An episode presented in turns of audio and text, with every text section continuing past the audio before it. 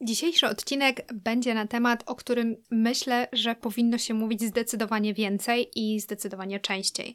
Mam na myśli temat parentyfikacji. Parentyfikacja to termin, który oznacza mm, taką sytuację, w której dziecko jest zmuszone do pełnienia roli dorosłego. Sytuacja, kiedy rodzic bądź jakikolwiek członek e, rodziny, opiekun dziecka, nie jest w stanie w pełni zadbać o siebie i bardzo często to wiąże się też z tym, że, mm, że taki dorosły nie jest sam dojrzały emocjonalne, e, emocjonalnie, i wtedy to właśnie dziecko zostaje postawione w różnych sytuacjach, które zdecydowanie są nieadekwatne do jego rozwoju, i wtedy takie dziecko przejmuje obowiązki opiekuńcze nad rodzicami, rodzeństwem lub innym członkiem rodziny, no i robi to kosztem swoich potrzeb rozwojowych.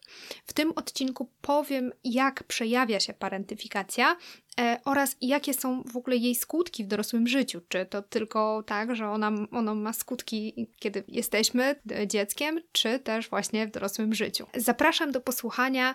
Zapraszam też na moją stronę, gdzie możecie pobrać krótki test, czy to Was e, być może dotknęło właśnie to zjawisko parentyfikacji. Link do testu oczywiście zostawiam w, w opisie, ale zapraszam najpierw do posłuchania. Być może test nie będzie Wam w ogóle potrzebny. Yeah.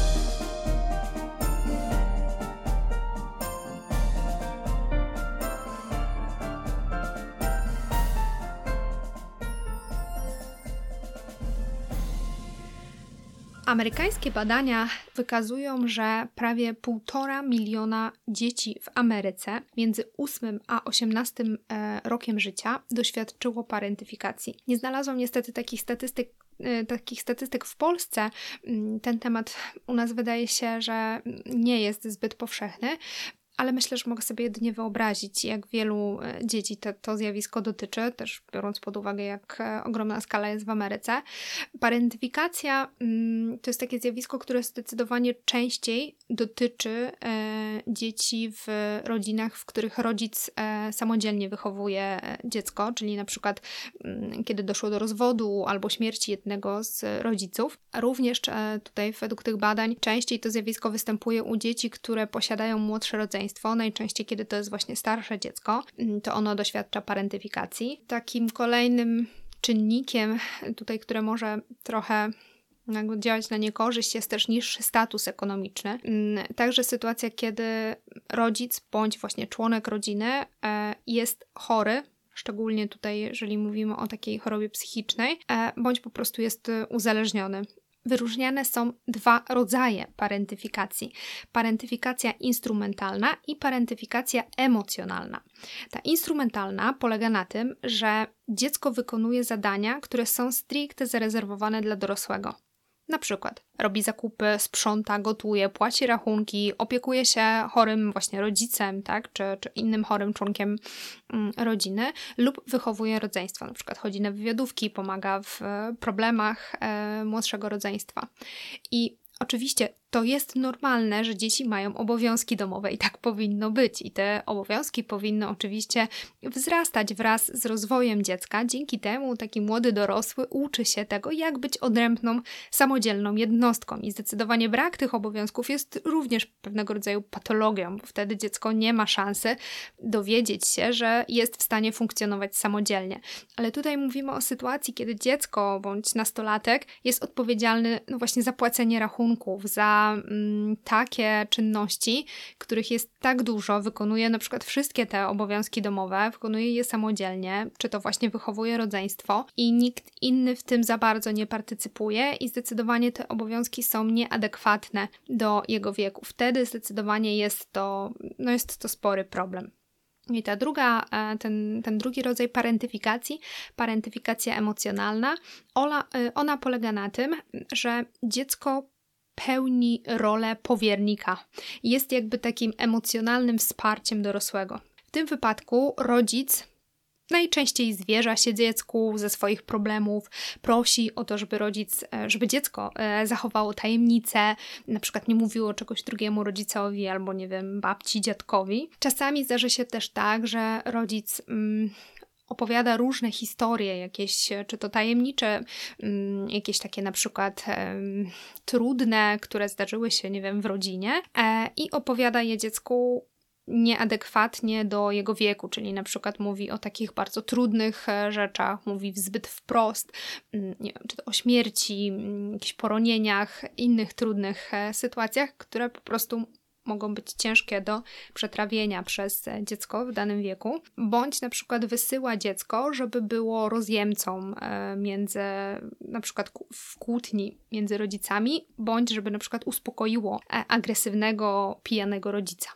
Dziecko, którego energia w okresie dorastania, dojrzewania jest poświęcana na obowiązki domowe, na rachunki, na opiekę nad innym członkiem rodziny, często równocześnie jeszcze dziecko poświęca energię na, na naukę, starając się przynosić dobre stopnie, żeby wszyscy też byli e, zadowoleni, tak, żeby nie przysparzać dodatkowych kłopotów. Wtedy takie dziecko jest zwyczajnie emocjonalnie wykończone więc wszelkie dbanie o własne potrzeby po prostu nie istnieją dla, dla takiego dziecka. A im bardziej te zachowania opiekuńcze e, właśnie danego dziecka są normalizowane przez członków rodziny i wręcz to, to jego zachowania, te, te jego odpowiedzialne opiekuńcze zachowania są oczekiwane przez e, rodzinę, tym bardziej destrukcyjne są skutki dla rozwoju takiego dziecka. Czyli im bardziej rodzice tego oczekują, mówią, że właśnie dziecko powinno, tak, no bo musi opiekować się chorą matką, e, bo powinno tutaj pomagać w trudnej sytuacji, no bo przecież kto jak nie one, tak, no przecież e, tak jest i po prostu e, musi. Też kiedy na przykład każe się być takiemu dziecku dużym chłopcem albo dzielną dziewczynką, czasami nawet w filmach spotyka się takie mm, takie historie, że na przykład jest chłopiec, któremu umiera ojciec, tak, i on wtedy słyszy, teraz ty jesteś głową rodziny, tak, teraz ty musisz tutaj zadbać na przykład o mamę i siostry, tak, czy, czy in, pozostałe rodzeństwo.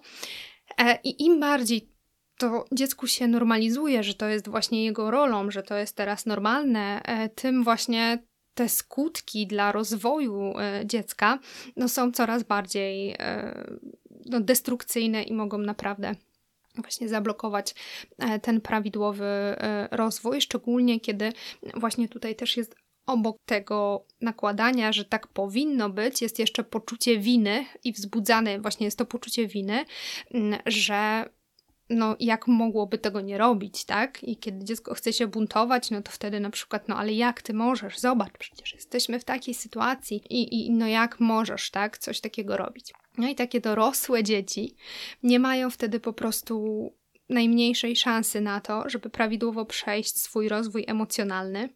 E, I często na przykład w ogóle, mimo iż mówi się o nich, że są dojrzałe jak na swój wiek, to tak naprawdę są dość niedojrzałe e, emocjonalnie. Mm, bardzo często też nie mają tej takiej naturalnej ścieżki e, chociażby buntu nastolatka, który pomaga młodemu człowiekowi jakoś odkryć swoją tożsamość, tak, zobaczyć, co jest dla nich ok, co jest nie ok. Mm, te, te dzieci często tego nie mają, no bo one muszą być dojrzałe, muszą być mm, tutaj dorosłe, więc no po prostu nie ma na to, e, nie ma na to miejsca. Są pewne sygnały, które świadczą o tym, że mogłaś doświadczyć parentyfikacji jego dziecko. E, przede wszystkim takim pierwszym sygnałem jest to, że przypominasz sobie, że dorastałaś w poczuciu, że musisz być odpowiedzialna. Miałaś e, spory problem, żeby tak się pochłonąć e, w zabawie, żeby jakoś zaszaleć, zrobić coś takiego właśnie szalonego, dziecięcego. Raczej starałaś się być taka odpowiedzialna, taka poważna, sztywna. Często też takie, y, takim symptomem że właśnie dziecko doświadczyło parentyfikacji, jest taka nadmierna empatia, taki podwyższony poziom empatii, czyli że bardzo szybko wchodzisz w stan emocjonalny drugiego człowieka, e, tak automatycznie i, i tak bardzo głęboko. Pamiętasz, że bardzo często byłaś rozjemcą w kłótniach e, swoich rodziców mm, i byłaś jakby odpowiedzialna za to i zostało ci to jakby do dnia dorosłego, tak, do, do czasów dorosłych, że kiedy w grupie jest jakiś konflikt, to jakoś masz takie poczucie, że musisz go rozwiązać, że musisz tam wejść i, i jakoś spowodować, żeby ludzie się mm, dogadali. Mm, bardzo często też pamiętasz, że jako dziecko byłaś komplementowana właśnie za to, że jesteś grzeczna, że jesteś odpowiedzialna, że tak ładnie się starasz, że tutaj robisz to, tamto. Mm, I jednocześnie miałaś poczucie, że te obowiązki, które masz, one są po prostu nieodpowiednie do Twojego e, wieku, ale też nie za bardzo miałaś przestrzeń e, do tego, żeby o tym mm, powiedzieć. Możesz też mieć problem w zaufaniu e, innym ludziom i w tym, żeby oddać trochę odpowiedzialność i, i, być taką bardziej zależną od kogoś osobą. Raczej starasz się być zawsze samowystarczalna e, i nie polegać na, na innych. Masz też bardzo mało wspomnień z dzieciństwa, to często też jest takie symptomatyczne, że jeżeli nie mamy zbyt wielu wspomnień z dzieciństwa, to jakiś jest ku temu powód, albo dlatego, że te wspomnienia zostały jakoś wyparte, bo może były zbyt traumatyczne, albo po prostu nie było zbyt wiele wspomnień z tego, jak byłaś dzieckiem. W dorosłym życiu często wchodzisz w rolę takiego opiekuna, ogarniacza innych, i jeśli możesz się kimś zaopiekować, nawet poświęcając siebie, to sprawia to tobie przyjemność, a jeżeli masz komuś odmówić, to wręcz odmówić też jakiejś opieki, to wręcz sprawia to tobie mm, fizyczny ból. To są takie najczęstsze symptomy, które gdzieś tam mogą mówić o tym, że faktycznie mogło dojść do tej parentyfikacji. Mm, jednak właśnie to całe zjawisko parentyfikacji, ono jest pewnego rodzaju spektrum, tak? Można doświadczyć na przykład go, nie wiem, jednorazowo, kiedy rodzic był chory przez miesiąc i wtedy być może tutaj tych skutków negatywnych nie będzie zbyt dużo. Mm, I oczywiście tutaj mm, też jakby całe to zjawisko powoduje, że pewne obszary, takie jak na przykład właśnie odpowiedzialność czy umiejętność opieki, no można je uznać za jakieś pozytywne aspekty, tak, dobre cechy, które się w tym mm, momencie wykształciły, tak jednak parentyfikacja może mieć sporo negatywnych skutków dla kształtowania się osobowości młodej e, osoby, dla poczucia w ogóle ja i poczucia własnej wartości. E, no i te konsekwencje oczywiście mogą być różne, bo jakby właśnie parentyfikacja jest też takim spektrum. Jeśli mówimy już o tych konsekwencjach w dorosłym życiu, czyli okay, takie dziecko wchodzi w pewnym momencie w, to, w tą dorosłość, to co może się zadać, zadziać niedobrego. Można by sobie pomyśleć, że no jest już przygotowana do życia w dorosłości, no bo miała dobry trening e, za dzieciaka, ale tak nie jest. E, parentyfikacja przynosi bardzo wiele negatywnych e, skutków, trudnych dla, dla osoby, która jej doświadczyła. Przede wszystkim są to trudności w, w tym, żeby zadbać o własne potrzeby, ponieważ takie osoby zazwyczaj stawiają innych na pierwszym miejscu poświęcają się dla nich e, i przede wszystkim jest im trudno dostrzec w ogóle swoje własne potrzeby, a kiedy już je dostrzegą, to mają problem, żeby uznać, że one są ważne. I jakby bardzo mocno spłycają e, swoje potrzeby, spłycają swoje uczucia, że to nic takiego, że to nieważne, może przesadzają, w sumie inni to mają gorzej, bardziej czegoś potrzebują niż, e, niż oni. Stąd bardzo często w dorosłość takie osoby wchodzą w związki, w których one dalej mogą odgrywać rolę osoby opiekuńczej, odpowiedzialnej i ratującej drugą osobę w potrzebie. Takie e, relacje, w której te osoby będą dalej mogły stawiać drugą osobę na pierwszym miejscu, kosztem swoich e, potrzeb, tłumiąc swoje potrzeby. To się wydaje jakby dziwne i nieracjonalne, natomiast niestety tak jest, że szukamy bezpiecznych, znanych nam wzorców, nawet jeśli one nie są dla nas dobre, ale jeśli sobie ich nie uświadamiamy, nie mamy po pierwsze świadomości, a po drugie nie mamy też jakoś przepracowanych tych wzorców, to niestety, ale no często idziemy tymi utartymi szlakami. I często e, przez to, że ta rola pomagacza i ta rola tego opiekuna jest tak mocno wrośnięta w e, poczucie w ogóle ja takiej osoby, to może mieć problem w ogóle z tym, żeby poza sytuacjami, w których ta osoba robi coś dla innych, w których pomaga, żeby czuć się jakoś sobą. One czują się wtedy często nieswoją, nieswojo, nie wiedzą kim są, co robić, tak? I, i czego chcą e, w ogóle sami. I, I dlatego mają właśnie duży problem z tym, żeby jakoś być w innej roli niż właśnie tej roli e, pomagacza. Zdarza się też, że takie osoby mają problemy z agresją. Często bierną agresją, bądź jakimiś takimi wybuchami nagłymi, e, i to najczęściej pojawia się wtedy, kiedy właśnie ktoś dotknie jakoś tych ran z emocjonalnego e, wykorzystywania, tak? Jakoś pokaże, mm, nie wiem, nie, niesprawiedliwość albo tutaj będzie właśnie jakoś dbał o swoje potrzeby w taki sposób, w jaki ta osoba może chciałaby zadbać o siebie, ale właśnie tego jakoś w sobie, no nie daje sobie zgody, tak? Więc trochę wybucha na tą drugą osobę. Kolejną trudnością, e, z którą może borykać się taka osoba, mm, czyli taka e, dorosła, która bardzo szybko do, musiała dorosnąć, mm, to jest unikanie bliskich więzi i unikanie intymności. Takie osoby są nauczone polegać na sobie i nie okazywać słabości.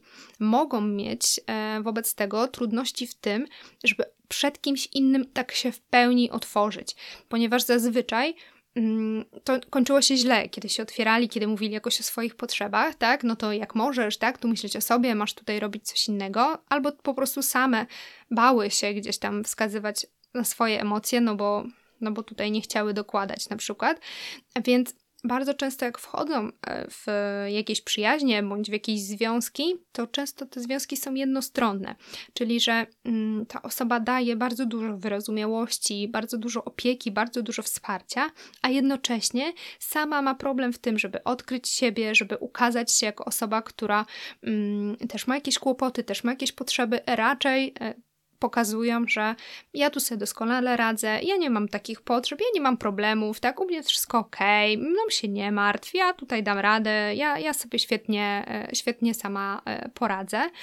I jednocześnie chcą bliskości, ale z drugiej strony jednak mogą jej unikać, bojąc się właśnie mm, tego, że gdzieś tam zostanie odkryte to właśnie, że one sobie nie radzą, że, że, że są samotne, więc wolą ukrywać swoją samotność, ukrywać swoje potrzeby, lęki mm, przed, no jakby właśnie tworząc taką fasadę. Bardzo często tam się kryje też właśnie to głębokie poczucie, że ja nie zasługuję na nic więcej że moje potrzeby nie są ważne, że ja nie jestem ważna, więc jeśli powiem o nich, tak, to jakoś zostanę odrzucona, no bo to nie jest istotne, więc lepiej po prostu tego nie pokazywać. Um, I to jest bardzo trudne i bardzo smutne. W dorosłym życiu też często takie osoby obwiniają się za wszystko. Nawet jeśli w ogóle nie mają na coś wpływu, to często jest tak, a mogłam zrobić to, a gdybym była tam, a gdybym zrobiła to, a gdybym pomyślała, a może gdyby. I, i próbują jakoś mieć wpływ na coś, próbują też jakby rozwiązywać różne problemy, często też innych ludzi, brać za nie odpowiedzialność mm, i mają takie poczucie, no, że jeżeli one się tylko jakoś postarają, to coś lub ktoś się zmieni, to, to świat się jakoś ułoży, tak? One tylko muszą się tutaj bardzo, bardzo postarać, tak jak się starały, będąc dzieckiem. No i choć takie dziecko bardzo często wydaje się nam właśnie niezwykle dojrzałe jak na swój wiek, to często to nie jest często to w ogóle nie jest realna dojrzałość, tak? Ponieważ no, my potrzebujemy czasu i w każdym etapie naszego życia mamy konkretny czas na nabycie jakiejś umiejętności, na, na nabycie jakiejś um, no, no, na rozwój po prostu. Więc jeśli to, co nas spotyka, jest zbyt szybko i my nie mamy wykształconych w sobie jeszcze wszystkich jakby, no nie wiem, zasobów, tak, do tego, to może być nam po prostu e, trudno przejść ten e, rozwój tak gładko i rzeczywiście nauczyć się danych mm, umiejętności w określony sposób. E, I tutaj najczęściej właśnie dochodzi do tego, że choć wydaje się, że taka osoba jest dojrzała, tak, to jednak ma duży problem z dojrzałością emocjonalną i z regulacją mm, emocji. Mm, przez to bardzo często na przykład odczuwa lęk, niepokój, mm, ma, doświadcza różnych frustracji, które wynikają z niezaspokojenia swoich potrzeb, bo ta osoba nie nauczyła się regulacji tych emocji, radzenia sobie z lękiem, bo musiała nieustannie tłumić swoje potrzeby. Tożsamość takiego dziecka, które doświadczyło właśnie parentyfikacji, no ona była zbudowana na tym, że to dziecko pomagało, tak? I, i, I, tłumiło swoje emocje, i to było jakby najważniejsze, za to było chwalone. Mm, takie, tak było określane, tak? Jako dziecko, które sobie radzi, e, potrafi wszystko, o które nie trzeba się martwić, e, które tutaj wszystko po prostu doskonale ogarnia. E, I często takie dziecko, żeby przetrwać po prostu, nauci- nauczyło się tego, że ono właśnie musi takie być. Musi być ciche, musi być bez potrzeb, musi być kimś, kto się poświęca i pomaga rodzinie mm, i pomaga właśnie jakoś rozwiązywać te problemy e, rodzinie. Wtedy, wtedy jest akceptowane, wtedy jest potrzebne, wtedy jest ważne. Kiedy tego nie robi, no to wtedy jest ten ogromny lęk e, przed, przed odrzuceniem, przed tym, że właśnie nie będzie ono ważne. I to jest taki bardzo pierwotny lęk który naprawdę trudno sobie czasami tak na co dzień uświadomić, mm, ale on jest właśnie no, trochę takim motorem różnych e, zachowań bądź, bądź braku tych zachowań, mm, które mogą powodować, że po prostu jesteśmy nieszczęśliwi e, w życiu. No i właśnie, co zrobić, kiedy rozpoznasz w sobie, e, że doświadczyłaś wieloletniej parentyfikacji? Oczywiście to jest bardzo złożony temat i jeśli czujesz, że jest tobie z tym bardzo trudno i jakoś cierpisz z tego powodu, bądź w ogóle po prostu z różnych jakichś wchodzenia w różne wzorce w życiu, to zawsze oczywiście zachęcam do psychoterapii, przyjrzenia się, się sobie. Oczywiście można robić początkowe małe kroki, tak jak właśnie te próby pracy nad sobą. Mm, możesz na przykład pobrać na mojej stronie mm, takie karty pracy po pierwsze ten test, tak, mm, a po drugie właśnie są karty pracy, są kursy mm, nad poczuciem własnej wartości, bo właśnie to poczucie własnej wartości, a także ta umiejętność asertywności to są często bardzo takie cechy, które leżą i kwiczą i są na no, no, niezwykle niskim poziomie u osoby, która właśnie musiała zbyt szybko dojrzeć. I czasami warto właśnie wykonać ten pierwszy krok, żeby jakoś sobie uświadomić, że mm, kurczę, tutaj chciałabym tutaj nad tym obszarem mocno popracować, ale też jakby z taką świadomością, że to może nie wystarczyć, może być to pierwszy krok i warto też udać się do specjalisty, jeżeli czujemy, że że gdzieś tam jest to, mm, jest to coś, czym chcielibyśmy się bardziej zaopiekować. Ja na koniec te, tego odcinka chciałabym jeszcze powiedzieć Tobie e, tak od siebie, że jesteś osobą wartościową i ważną, niezależnie nie od tego, jak wiele dajesz, jak wiele ogarniasz i pomagasz e, innym. Możesz e, też zmienić swój e, wzorzec zachowania i nauczyć się nie tylko dbać o innych, ale przede wszystkim dbać o siebie. E, chciałabym, żebyś też wyobraziła sobie, że ta mała ty, która musiała się opiekować e, w momencie, kiedy to tak naprawdę nią powinno się opiekować i kiedy to ona zasługiwała na troskę, opiekę, wyrozumiałość, to ta mała ty wciąż tam jest, tam w tobie, gdzieś w środku. I Teraz to ty jesteś za nią odpowiedzialna, jesteś odpowiedzialna za to, żeby słuchać jej potrzeb, żeby słuchać jej emocji i dawać do nich prawo. Jesteś też odpowiedzialna za to, żeby ją chronić. W pierwszej kolejności zastanawiając się, czego w ogóle ty potrzebujesz, czego ty chcesz i co ty czujesz. Nie cofniesz tego, co było, ale masz realny wpływ na to, jak ta mała ty będzie traktowana przez ciebie obecnie i w przyszłości. I mam nadzieję, że będzie traktowana dobrze.